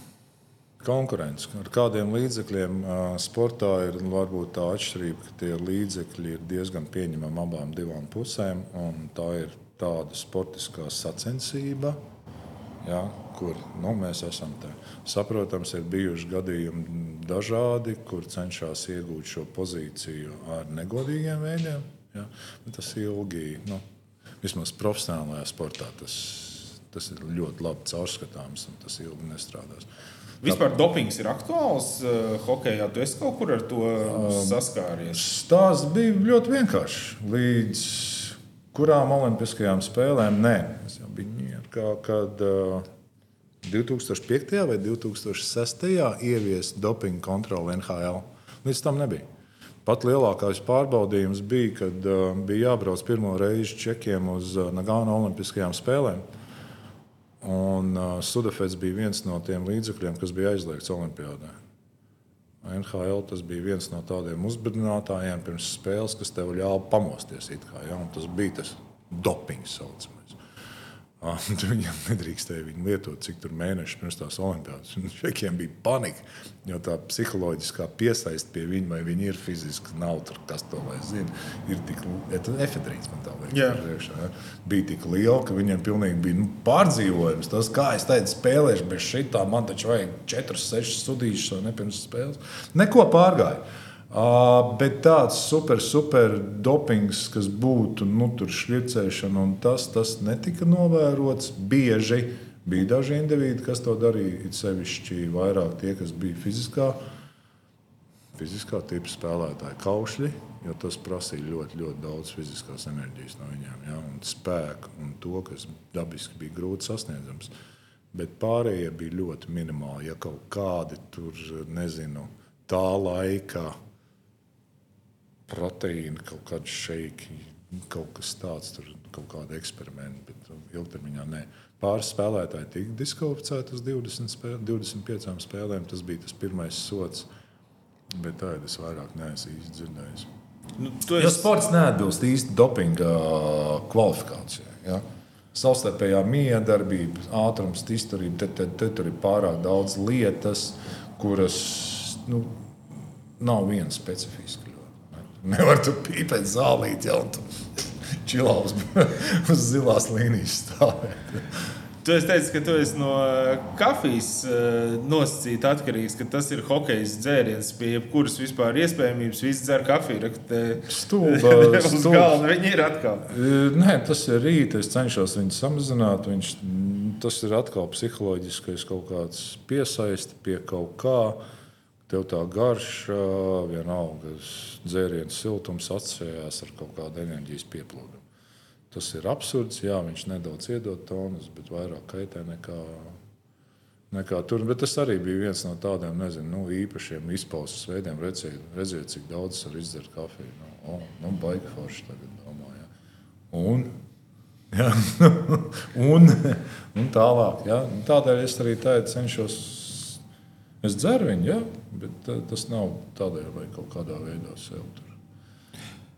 Es gribēju par to izlasi noslēgt. Jā. Uh, proti, nu, jā, tas bija sākums ar tādām domām, uh, tu sāki spēlēt, bet nu, pēc tam jau, jau noslēgums pēdējās Olimpiskās spēles, piemēram, kur mm. nu, uz tevi pilnīgi savādāk arī nācija skatījās jau kaut kādā ziņā. Un, un likās, ka arī tev pašam ir kaut kāda tāda dziļāk piesaist tam, eh, tam visam. Tā bija.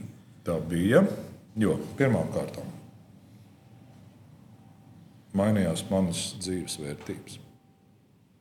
Ko es uzskatīju par svarīgu, kas man bija nozīmīgs un uh, kuras, kurām bija vērsts censties kaut ko darīt. Tas bija viens. Otrs, es jau dzīvoju piecus gadus Latvijā.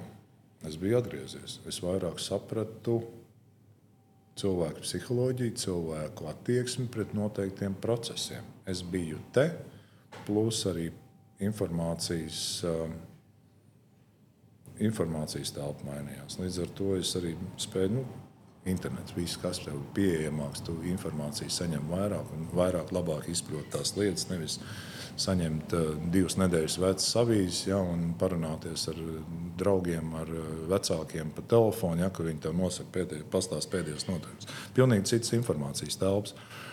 Bet pats lielākais, kas izmainījās, bija priekš manis, bija mana paša vērtības skala sportā. Un kur laikam es tajā laikā jau, tas jau bija pāris gadi, bija pirms tam, kad es sapratu, ko nozīmē līderis priekš sevis. Katram ir savas vērtības, ko nozīmē līderis, bet priekš manis tas bija tas, ka tagad mana līdera definīcija sportā vai hokeja ir tā, ka par līderi var kļūt tad, kad tavs personīgais sniegums vai tavs personīgais ar tevi, ko tu iesniedz komandas sasniegumos, ir vienlīdzīgi nozīmīgs. Vismaz vienlīdzīgi nozīmīgs ar komandas sasniegumiem, ar komandas rezultātu. Tad tu vari kļūt par līderi. Ja, tev, ja mans personīgais sniegums ir svarīgāks nekā komandas, es nebūšu līderis. Es būšu tas, kas varbūt tās būs produktīvs, varbūt tāds, bet es nebūšu tās komandas līderis. Tikko tā skala iz, svari iz, izlīdzinās, vai pat otrādi, tad tu jau esi efektīvs līderis. Līdz tam es nebiju efektīvs līderis. Tas, tas, nāca, kur... tas man nāca ar vecumu, tas man nāca ar gadiem, tas man nāca ar savu pieredzi. Piemērs, man, es tagad varbūt kļūdos, bet man šķiet, ka tu biji teicis kaut kur, ka tu no sakīgi daudz esi tādu es no visiem, no visiem. Es neesmu no viena, es esmu paņēmis daudzas lietas no daudziem cilvēkiem, gan iekšsporta, gan ārpus sporta. Un tādā veidā esmu veidojis savu dzīves sapratni. Ja? Bet tas man nāca ilgi, ar gadiem, ar daudziem puniem, zilumiem un nevajadzīgām lietām, ko es esmu piedzīvojis, ko es gribētu tā kā lai nebūtu viņas, bet arī pašā laikā saka, nu, ok, labi, es esmu izgājis šiem procesiem cauri, nu, nu re, kur mans iegūms. Kas būs tālu? Nezinu. Tu atbrauc uz Latviju, uz uh, Dienāmo. Mm -hmm. un, uh, Tu sākumā nemaz uh, nesot vispār klausījies par to, ka tev uh, teica, vai tu negribētu spēlēt Dienāmo. Nē, pirmo gadu es negribēju. Nē, tur bija tā, labi, ja jūs maksāsiet man pietiekami daudz naudas, spēlēšu.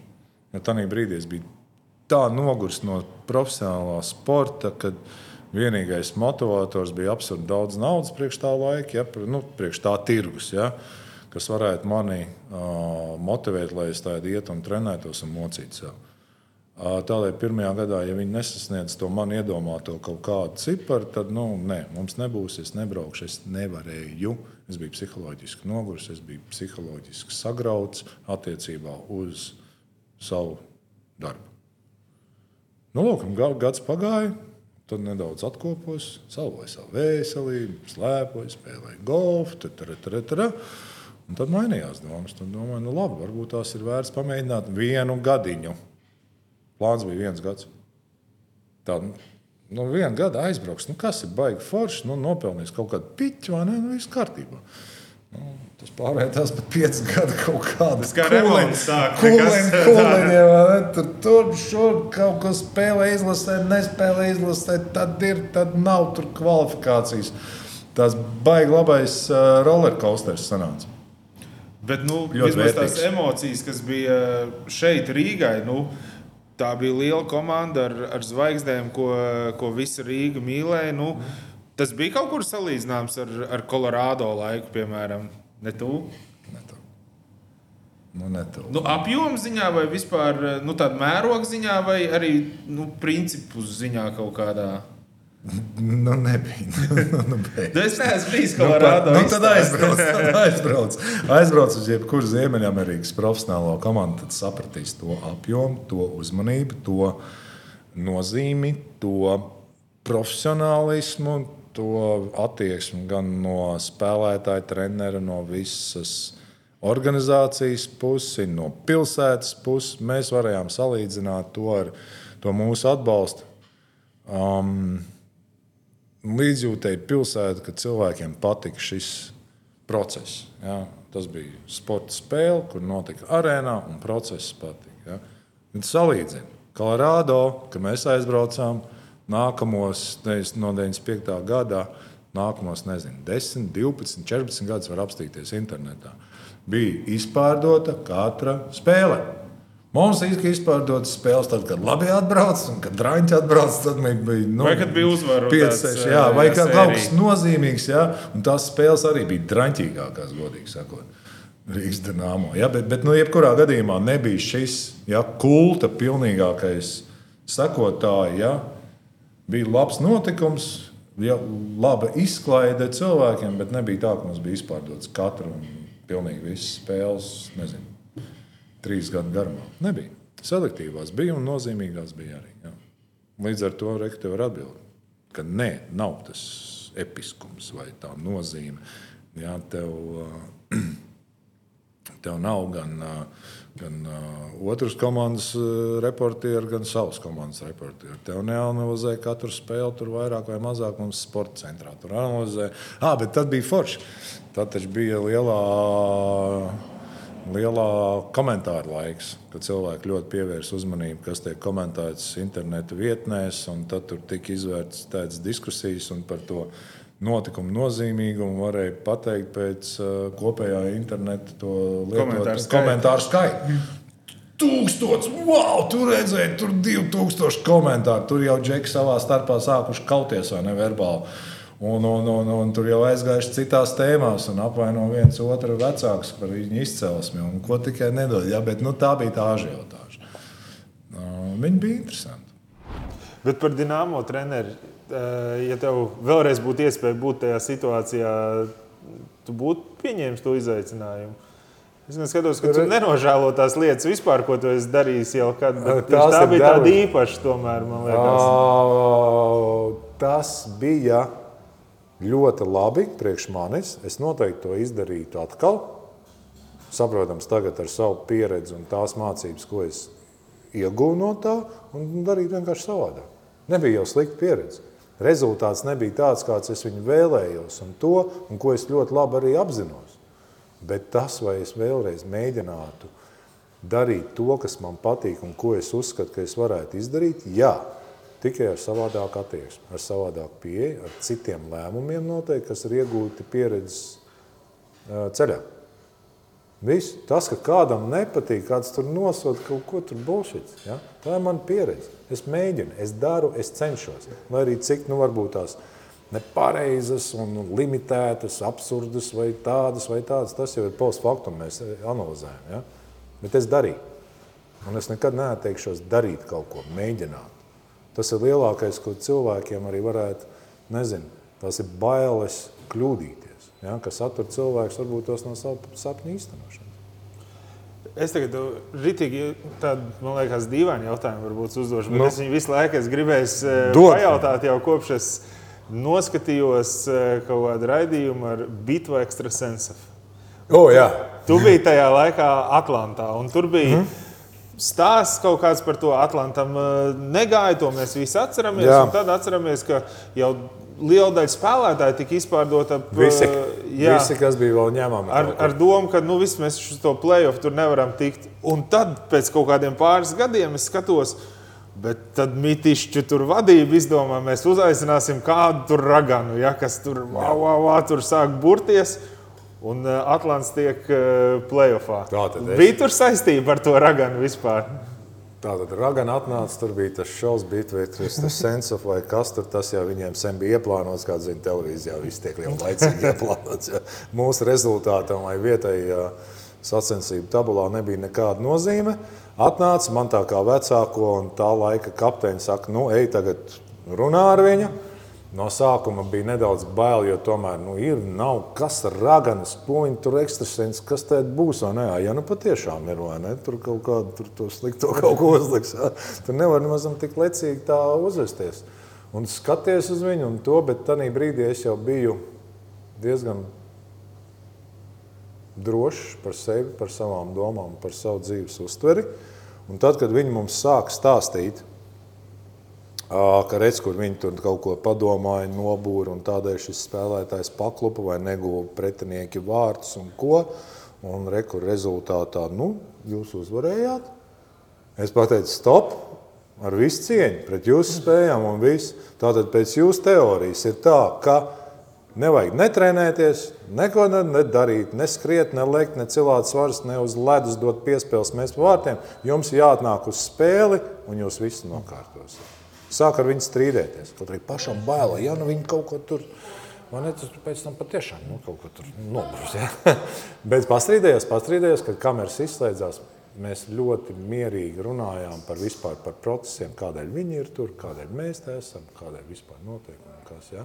Līdz ar to tas arī ir daļa no mārketinga, daļa no tā. Nē, es nekad nepieļaušu to, ka manu spēlētāju, mūsu komandas, manu komandas biedrus biedru sniegums tika piedāvāts pārdabiskām spējām, kas nebija atkarīgs no tā, vai viņi trenējās, vai viņi spēlēja, vai viņi gulās zem ripām, vai viņi cīnījās līdz galam, vai viņi nepadevās, vai viņi kopā kā komanda iz, nolēma, nezinu, pretēji visiem pareģojumiem un apstākļiem turpināt iet un cīnīties un cerēt, ja?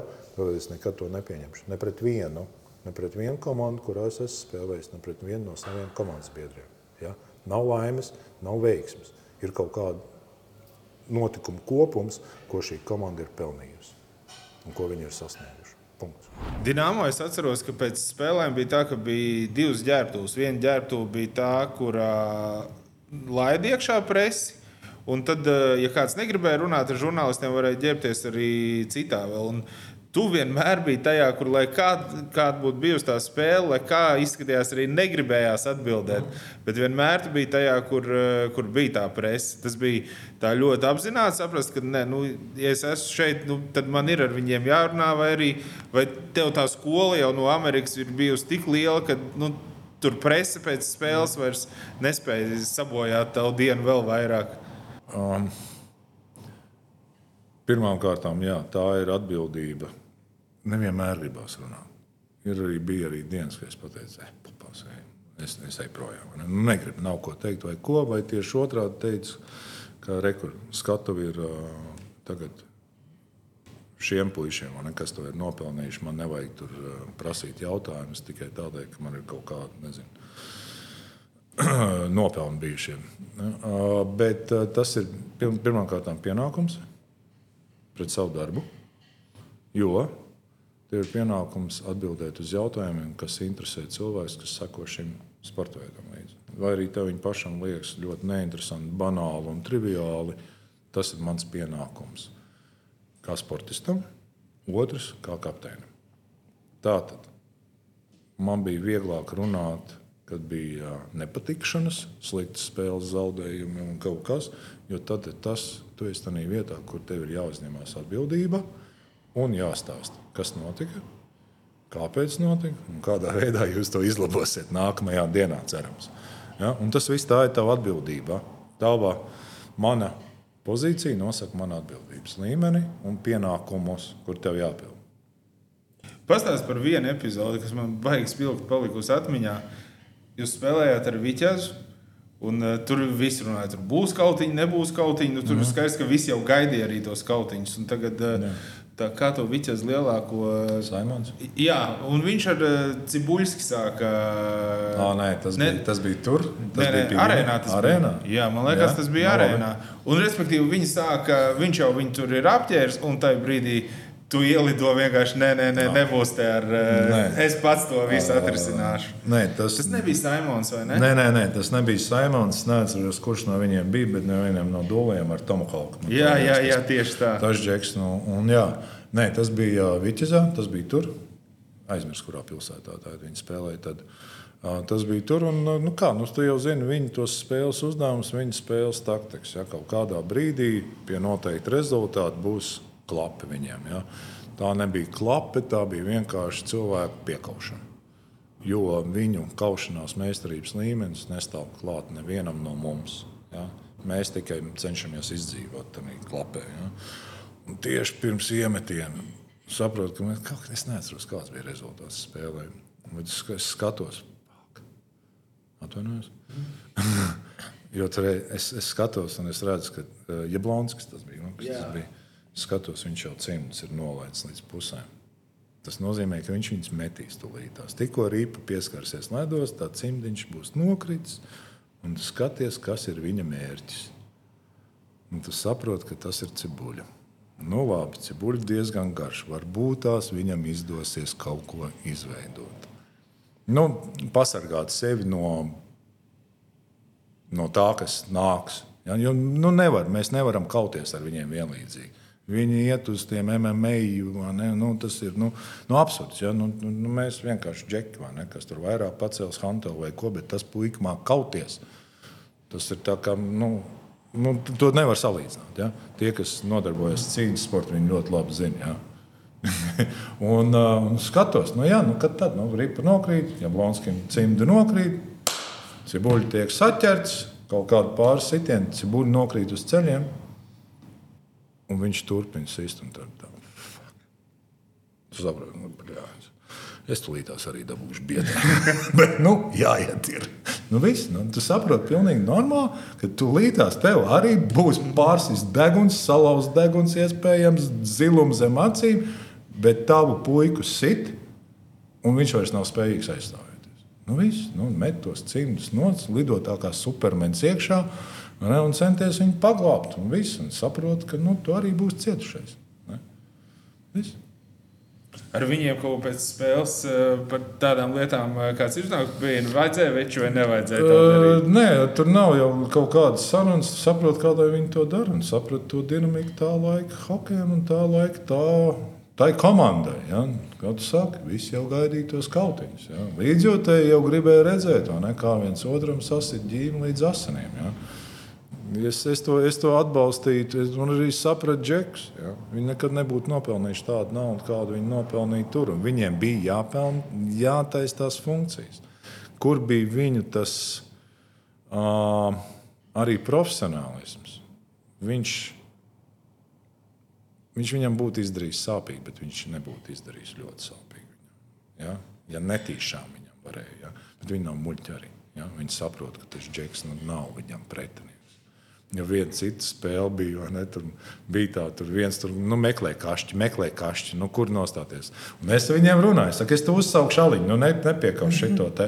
Viņš tāds, nu, labi, bet kur, vai ne, tur viņš aiziet uz otru pusi, un viņš nostājās blakus Mihķelim Rēliham, un es viņam no, no, no, no, no, no beņķa auroju. Šito arī nav, viņš tā pagriežās, a, kuru tu vari, es saku, nevienu. Mums te nav neviens, es arī tev neesmu pretinieks. Nu, tev ir jāiet būrī, tu tur esi, vai? Džeks, nu, tā ir nu, tās, tās specifikas, ja, kuras nu, nu, tie vēl bija nu, tādi nu, patiešām nu, nu, labi kauši. Tas pats bija ok, NHL.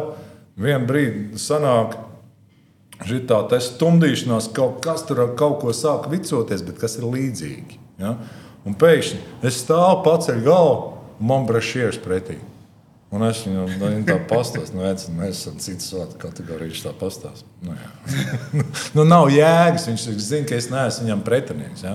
Nu, nu, tur, tur, tur pilnīgi viņš tā, nē, nu, labi, nu, tu neesi mēsls, tu neesi darījis pāri maniem spēlētājiem, tu neesi netīri spēlējis. Ja?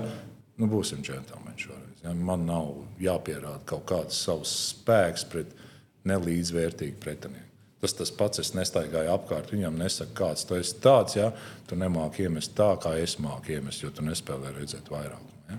Īsti savu cieņu, katrs dara savu, savu darbu, savu darba nezinu, procesu, savu darbu vietu, kas prasa no viņa kaut kādas noteiktas spējas.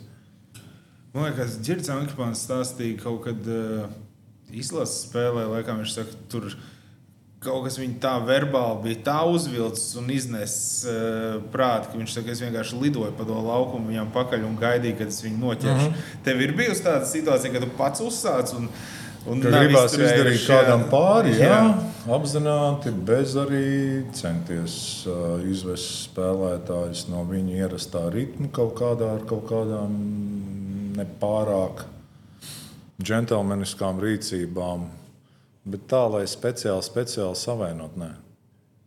Ne, vairāk, vairāk, lai tam spēlētājam rados, rastos diskomforts un domātu viņš par mani, nevis par to, kā gūt vārdus. Nu, tur ir arī bijis pretējs efekts. Piemēram, ar Arču, tu zini, ar to ir bijis labāk likt mierā, nevis kaitināt. Jo no tās kaitināšanas, ka viņam tur visu laiku mēģina baksta kaut ko tur runā, kaut ko viņš tieši otrādi uzvalkās un viņš rod to pozitīvo enerģiju, un viņš labāk spēlē. Ja tu viņu ignorē, tad viņš atkal tev sāks skriet pakaļ. tur ir tāds pretējs efekts. Līdz ar to nevienmēr tās taktikas ir attiecināmas pret visiem. Tev viegli uzvilkt laukumā bija? Skatoties, kādā vecumā atkal tas viss ir relatīvi attiecināms uz vecumu cilvēka attīstības posmu. Ko es uzskatīju, man beigās patika, ka man mēģināja, un tad es spēju ar humoru vai kaut kādām muļķībām tikt galā ar to un kaut kādā veidā novērst. Bet tāpat tā saprotams, tas cilvēks man arī var palīdzēt zem ādas. Zinu, ko man ir teikuši žurnālisti, ka karjeras laikā Ozoliņš vienmēr bijis tāds nu, ļoti atturīgs, pat nepieejams. Vismaz tā daļai ir uh, licies. Un, savukārt pēc karjeras jau jāra, kur viņš atnāk pie mums, ir, ir forši ar viņu parunāt. Tas bija tā apzināti nedaudz viņus nelaist klāt. Mm, tad laikam bija kaut kāda sapratne, ka tas tavs nezinu, oponents vai ienaidnieks vai nevienmēr viņš gribēs labu tev kaut kāda sašķobīta sapratne par attiecībām starp žurnālistiem un starp spēlētājiem. Jo kā jau dabīgi mēs neievērojam labās lietas, ko žurnālists raksta par tevi, bet ievēro vienmēr tās sliktās lietas, tās pašas attiecības ar uh, bulvāru presi. Ja? Mēs visi priecājamies, ka par mums labi raksta, ja? un kā te pēkšņi kaut ko sūdīgi uzrakst par tevi. Nu, kas tas ir? Rakstam procesu, soci, protestus sociālajos tīklos. Nē, tā ir tā sapratne vairāk radās, kādēļ žurnālists ir tur, ko viņš grib no tevis un ko es gribu panākt ar to, ka es runāju ar žurnālistu oficiālā vai neoficiālā gaisotnē. Tas viss. Bet tu teici arī, ka ir brīžiem tie banālie jautājumi un tā Jā, tālāk. Un... Tas, ir, tas ir arī pieņemt to, ka tas ir žurnālists darbs.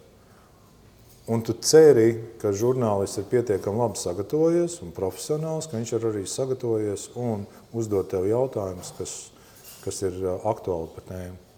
Bet es pieļauju, ka bieži vien ir eh, pēc kādas spēles tā, ka ne tev gribās runāt, ne viņam gribās kaut ko jautāt jā, nu, pēc tās spēles. Jā, ir... Nē, bet kad, man, eh, kad es saraugu neprofesionalitāti ja, vai tādu virspusējo to, es gribu tikai izcelt kaut kādas negatīvās, negatīvās lietas, tad es sāku nu, diezgan agresīvi uzvesties. Ja, es varu pateikt, jā, mums tur, nu, piemēram, elementārais jautājums – Mums bija sūdīgs vairākums šodien. Žurnālists saka, ja, kādu varētu izteikt sliktu vairākumu šajā. Tad es uzdodu pretī jautājumu, cik mums vairākumu bija?